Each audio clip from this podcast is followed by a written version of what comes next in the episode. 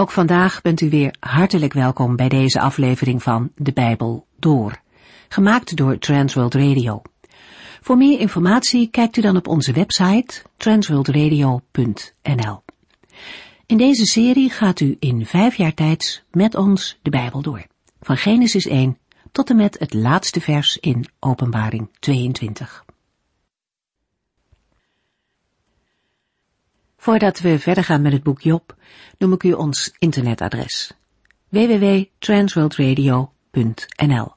Daar vindt u meer informatie en kunt u ook eventueel gemiste afleveringen van deze serie beluisteren.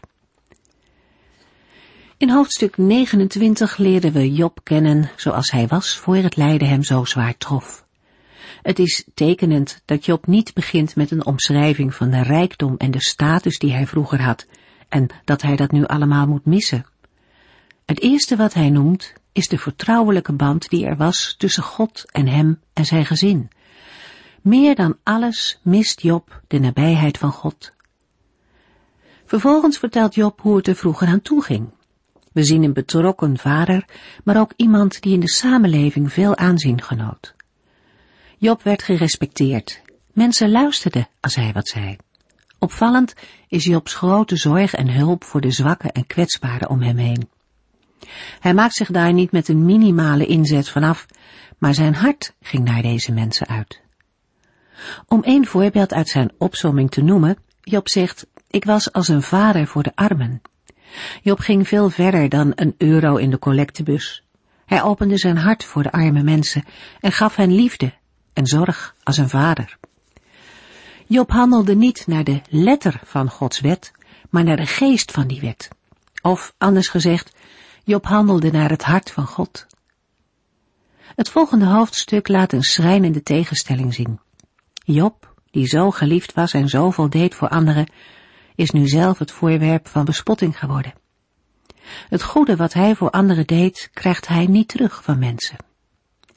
En daarbovenuit mist hij God hij krijgt geen antwoord op al zijn roepen en hij kan niet anders dan denken dat God zich tegen hem heeft gekeerd, al begrijpt hij niet waarom. Jobs geduld wordt zo lang op de proef gesteld, maar uiteindelijk zal blijken dat het toch anders is dan Job hier denkt. Tot nu toe hebben Jobs vrienden voortdurend gesuggereerd dat Job op de een of andere manier schuld op zich heeft geladen en daardoor in problemen is gekomen. Job sluit nu zijn uiteenzetting af met een gedeelte waarin hij met een aantal plechtige verklaringen, onder aanroeping van de naam van de Heere, zijn onschuld wil aangeven en betuigen. In Exodus 22 vers 11 vinden we een dergelijke eed. Daar betreft het een situatie waar geen menselijke getuigen bestaan en waarin door een eed een beroep op de Heer wordt gedaan. Toch zijn Jobs woorden niet in de eerste plaats gericht tot zijn vrienden, maar tot de Heere zelf. Job legt met zijn onschuldbetuiging zijn zaak bij hem neer en geeft aan dat de Heere recht zal moeten spreken. Job 31 vers 1 Daarop vervolgde Job tenslotte, ik had een overeenkomst gesloten met mijn ogen, om nooit naar jonge vrouwen te kijken. Als eerste zegt Job dat hij een overeenkomst of een verbond heeft gesloten met zijn eigen ogen. Daarmee geeft Job aan dat hij zijn ogen, waarmee hij alles waarneemt en waarlangs verleiding tot hem komt, tot bondgenoot maakt, zodat zijn ogen met hem samenwerken om zonde en begeerte te bedwingen. Job heeft ervoor gekozen weerstand te bieden aan verleidingen en heeft dan ook nooit naar jonge vrouwen gekeken. Met deze woorden onderstreept Job dat hij altijd zuiver heeft geleefd en ook in gedachten nooit een andere vrouw heeft willen nemen. Hier presenteert Job zich als een mens die volkomen trouw is aan de wet en die de essentie ervan, zoals weergegeven in het tiende gebod en veel later in de bergreden, heeft nageleefd en geëerbiedigd. Job maakt duidelijk dat hij een rein leven heeft geleefd. Job 31, vers 2 en 3. Ik weet heel goed dat de Almachtige God ons lot in handen heeft. De slechten en goddelozen treft hij met ellende en rampen. Na deze onschuldverklaring stelt Job de vraag wat hij te verwachten heeft van de Heere. Hij doelt hiermee op Gods rechtspraak. De wijze waarop de Heere het gericht voltrekt, wordt onder woorden gebracht in de retorische vraag waarin Job stelt dat er rampspoed is voor de slechten en tegenslag voor de goddeloze die onrecht bedrijft. Ondanks de harde woorden in het vorige hoofdstuk heeft Job zijn vertrouwen in Gods rechtvaardige rechtspraak niet verloren. Job 31, vers 4 tot en met 6. Hij ziet alles wat ik doe en telt elke stap die ik zet. Als ik zou hebben gelogen en bedrogen, laat God mij dan maar in zijn eerlijke weegschaal wegen. Dan zal hij zien dat ik onschuldig ben. De Heere weet alles wat Job heeft gedaan, en daarom kan hij als geen ander bevestigen dat Job rechtvaardig is en geen schuld met zich meedraagt. Door zijn onschuld nu onder ede te verklaren, hoopt Job de Heere ertoe te bewegen alsnog een gunstig oordeel over hem uit te spreken en een keer te brengen in zijn situatie. Nadat Job zijn vertrouwen in Gods rechtvaardige rechtspraak heeft uitgesproken, volgen er een aantal verklaringen waarin hij zijn onschuld betuigt. Eerst in algemene zin en daarna in relatie tot oneerlijkheid. Job komt met een voor hem hypothetische situatie. Als ik zou hebben gelogen en bedrogen, moet de Heere mij maar op zijn zuivere weegschaal leggen. Job daagt de Heere uit hem te wegen op Gods zuivere weegschaal, zodat de Heere zal weten dat hij onschuldig is. Job lijkt hier terug te verwijzen naar Job 10 vers 7, waar hij heeft aangegeven dat hij overtuigd is van zijn onschuld. Job 31 vers 7 tot en met 11. Als ik van de door God gewezen weg ben afgeweken, als mijn hart begeerte heeft gevoeld voor wat mijn ogen zagen, of als ik met mijn handen heb gezondigd, laat iemand anders dan de gewassen die ik heb gezaaid oogsten, en laat alles wat ik heb geplant met wortel en tak worden uitgeroeid. Als ik ooit heb verlangd naar de vrouw van een ander, mag mijn vrouw terechtkomen in het huis van een andere man, en mag iemand anders haar nemen. Want dat zou een schanddaad zijn, een misdaad, die moet worden bestraft. In een tweede onschuldverklaring of eedformule spreekt Job over een situatie waarin hij is afgeweken van de rechte weg, doordat zijn hart heeft gevolgd wat zijn ogen hebben gezien. Daardoor kleeft er zonde aan zijn handen. We zullen moeten denken aan een situatie waarbij iemand zo meegesleept wordt door begeerte dat hij daardoor zonden begaat. Job geeft aan dat hem een bestraffing wacht als dit het geval mocht zijn. Hij stelt dat hij zal zaaien, maar dat een ander de opbrengst ervan zal eten, en alles wat de akkervruchten uitspruiten zal worden ontworteld. In het volgende gedeelte betuigt Job zijn onschuld ten aanzien van vormen van echtbreuk. De beschreven situatie is hier dat een vrouw Job zou kunnen verleiden. Zou dit inderdaad gebeurd zijn, dan mag zijn eigen vrouw terechtkomen in het huis van een andere man, en mag iemand anders bij haar liggen. Achter deze woorden zien we de oud-testamentische wet van wederkerigheid, oog om oog, tand om tand. Vervolgens wordt de ernst van echtbreuk verwoord. Het is een schanddaad, een misdaad. Een daad die geldt als een vorm van ontucht en als misdaad voor een rechter moet worden gebracht. Vers 12. Het is een verterend vuur dat een mens in het verderf stort en alles zal uitroeien wat ik heb geplant. Job 31 vers 13 tot en met 15. Hoe zou ik God onder ogen kunnen komen als ik ooit mijn dienaren onrechtvaardig had behandeld? Wat zou ik kunnen zeggen als hij mij daarna zou vragen? Want God heeft mij en ook mijn dienaar gemaakt. Hij heeft ons beiden geschapen in de buik van onze moeders. De derde situatie waarover Job een eed van onschuld zweert, heeft betrekking op misstanden met zijn dienaren. Hij noemt dat hij zijn ondergeschikte zijn of haar recht zou hebben ontzegd bij een geschil. Hoewel dienaren, in het algemeen, geen belangrijke positie innamen, heeft Job hun in geschillen nooit het recht ontzegd hun eigen mening in te brengen. Dit houdt zelfs in dat een dienaar een rechtsgeding tegen hem mocht aanspannen. Daarmee geeft Job aan dat zijn dienaren voor hem altijd volwaardige rechtspersonen zijn geweest. Ter onderbouwing van zijn gedrag tegenover zijn dienaren geeft Job aan wat de consequenties zouden zijn als de Heere hem in een rechtsgeding voor zijn gedrag ter verantwoording zou roepen. Had hij zijn ondergeschikte inderdaad zijn recht ontzegd, dan zou hij niets tegen de Heere kunnen inbrengen en schuldig staan. Maar Job heeft zich laten leiden door de overtuiging dat de Heere zowel hem als zijn dienaar in de moederschoot heeft geschapen. Daarmee wijst Job de Heere aan als degene die ieder mens heeft gemaakt en die daarom ook aan ieder mens rechten toebedeelt. Voor God is de ene persoon niet meer waard dan de andere, en daarom mag dit voor mensen ook niet het geval zijn. Job 31, vers 16 tot en met 23. Als ik de armen verdriet heb gedaan en weduwen reden tot huilen heb gegeven, als ik arme wezen voedsel heb geweigerd, ik heb echter altijd wezen in ons huis opgenomen en hen verzorgd als mijn eigen kinderen, en ik heb de weduwen altijd geholpen. Als ik iemand heb zien omkomen van de kou, zonder hem kleren of de vacht van een van mijn schapen te geven, als ik een wees heb uitgebuit, omdat ik dacht dat niemand mij daarop zou betrappen, als ik een van deze dingen heb gedaan, mag mijn arm uit zijn gewricht worden getrokken. Laat dan mijn schouder maar worden ontwricht. Liever dat dan het oordeel van God af te wachten, want daardoor ben ik banger dan voor enig ander ding.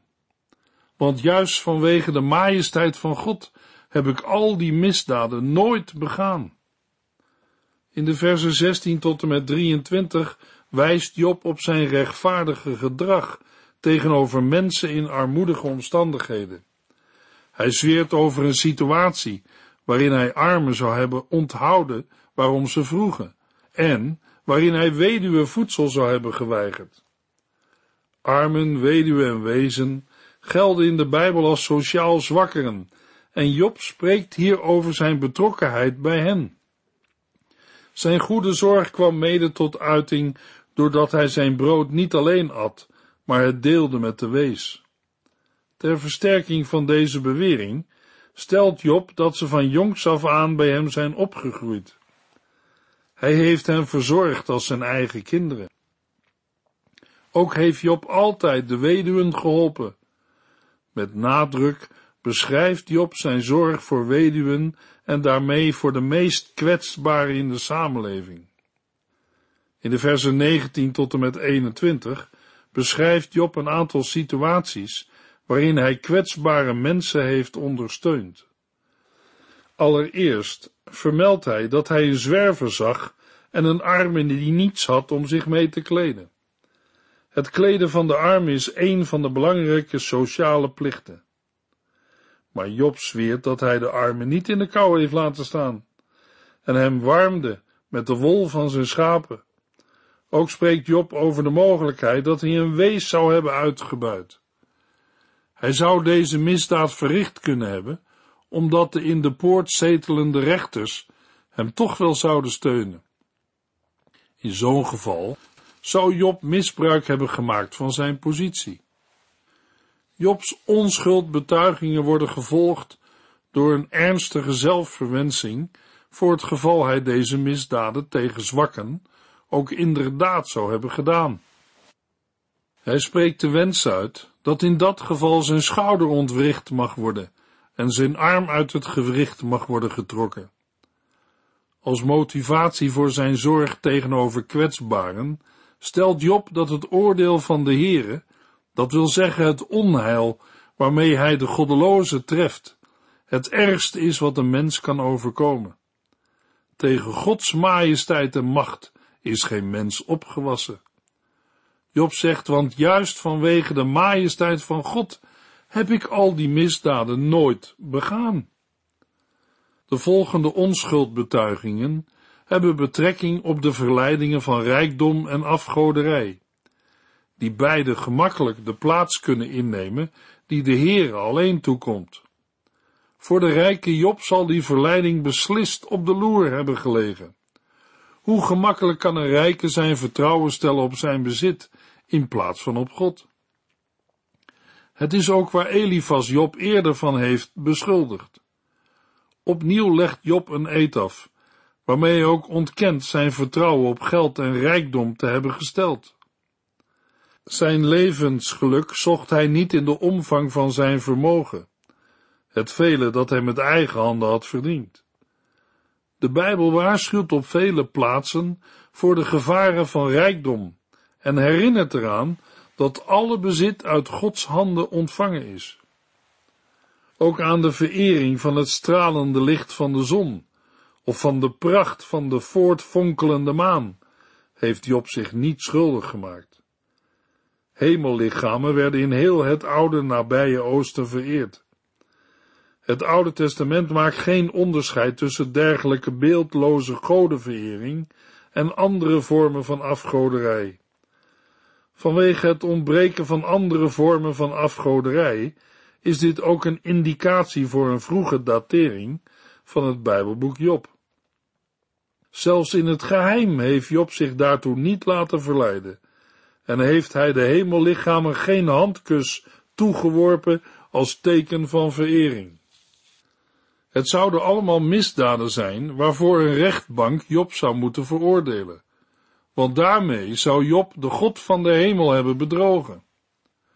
Job 31 vers 29 en 30 Als ik blij ben geweest over het ongeluk en de tegenslagen van mijn vijand, maar het is een feit dat ik nooit heb gezondigd door iemand te vervloeken. Job zweert zijn onschuld over de hypothetische situatie dat hij zich zou hebben verheugd over de tegenslagen van zijn vijand. Ook in actieve zin heeft Job niet tegen zijn vijand gezondigd door hem te vervloeken. Jobs levenshouding sluit aan bij Gods gebod medelijden te hebben met zijn vijand en de oproep geen leedvermaak te hebben als de vijand door onheil wordt getroffen. De Heer Jezus gaat in het Nieuwe Testament nog een stap verder, door van zijn volgelingen te vragen dat zij hun vijanden lief hebben. Job 31 vers 31 en 32 Als een van mijn dienaren ooit honger heeft geleden.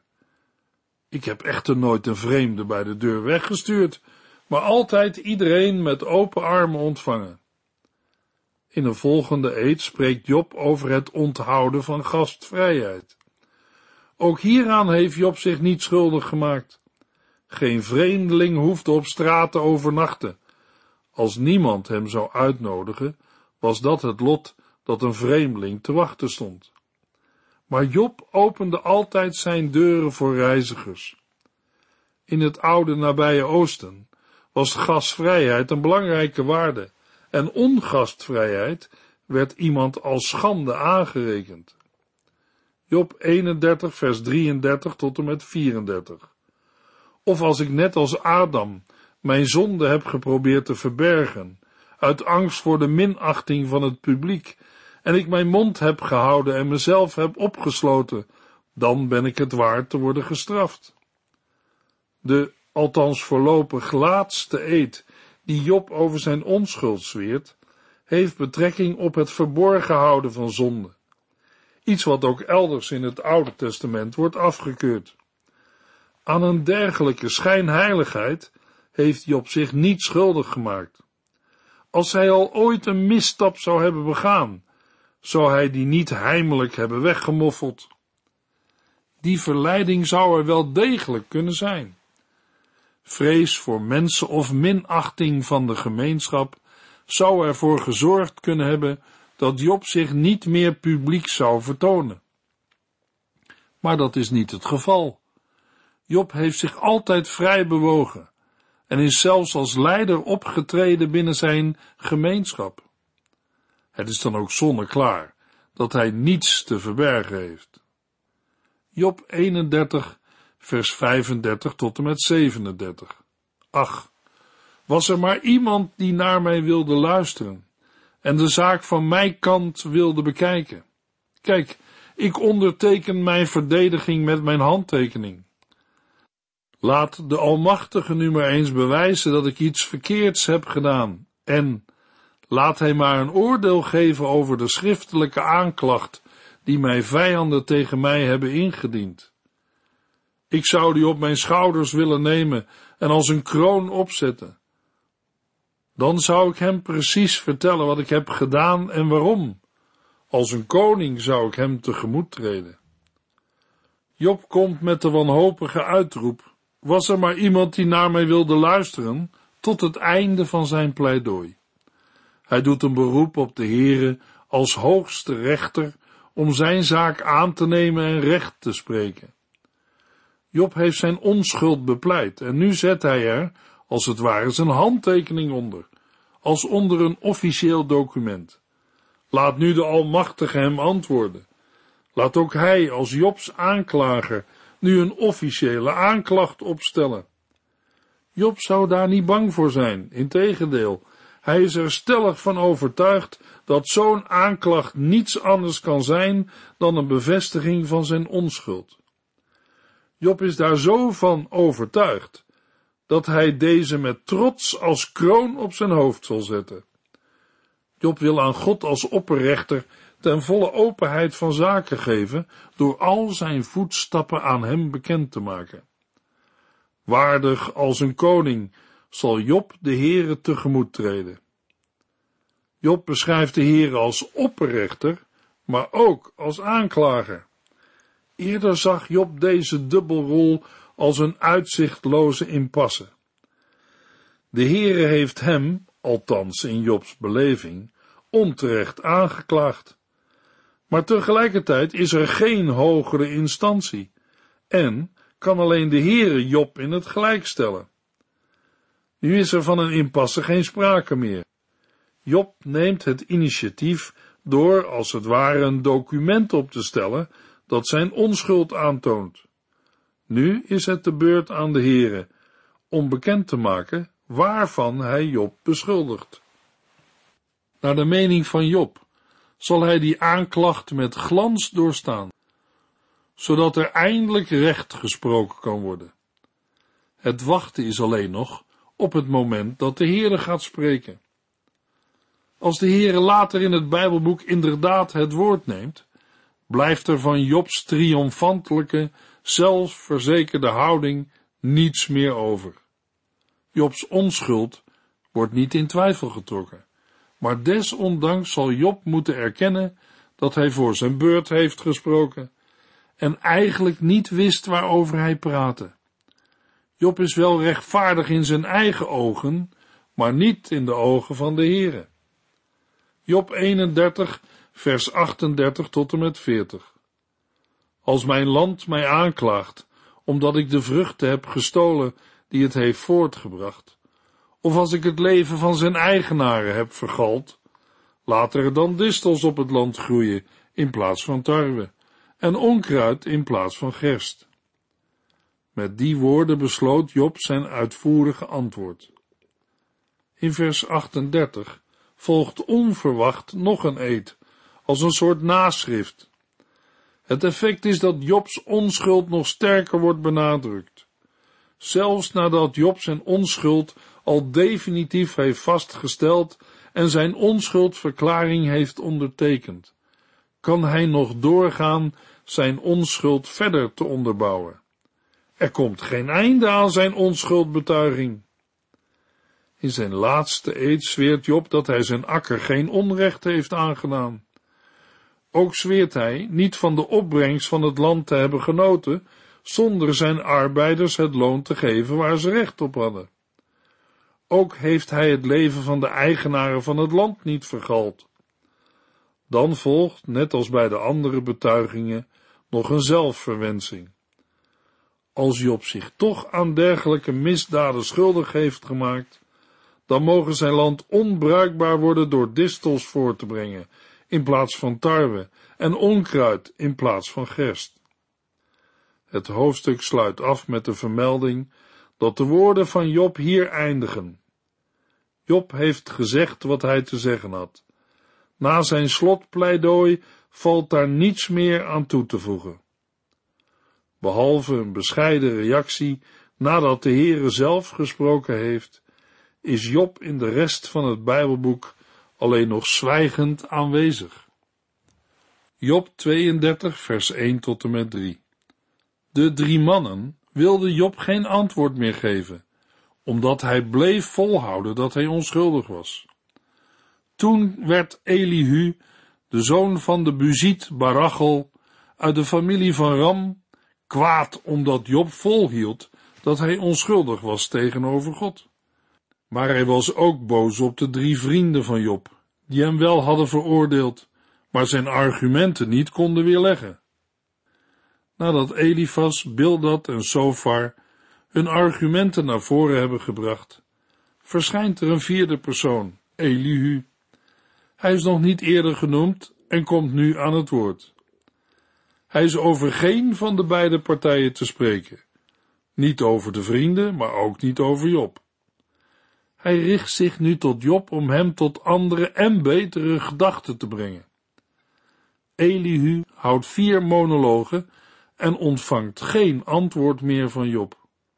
Hoe zal dit verder gaan? We gaan het lezen in de volgende uitzending, in Job 32 en 33. U heeft geluisterd naar De Bijbel Door, in het Nederlands vertaald en bewerkt door Transworld Radio. Een programma waarin we in vijf jaar tijd de hele Bijbel doorgaan. Als u wilt reageren op deze uitzending of u heeft vragen, dan kunt u contact met ons opnemen. Tijdens kantooruren kunt u bellen op 0342 47 8432. 0342 47 8432. Ook kunt u een e-mail sturen naar de Bijbel door at transworldradio.nl en natuurlijk kunt u ook via de post ons bereiken. TWR, postbus 371, postcode 3770, AJ in Barneveld. Dit programma werd gepresenteerd door Cor Weda en Ike André. Techniek was in handen van Odin van Voorkom. En wij allemaal bedanken u voor het luisteren. Graag tot de volgende keer.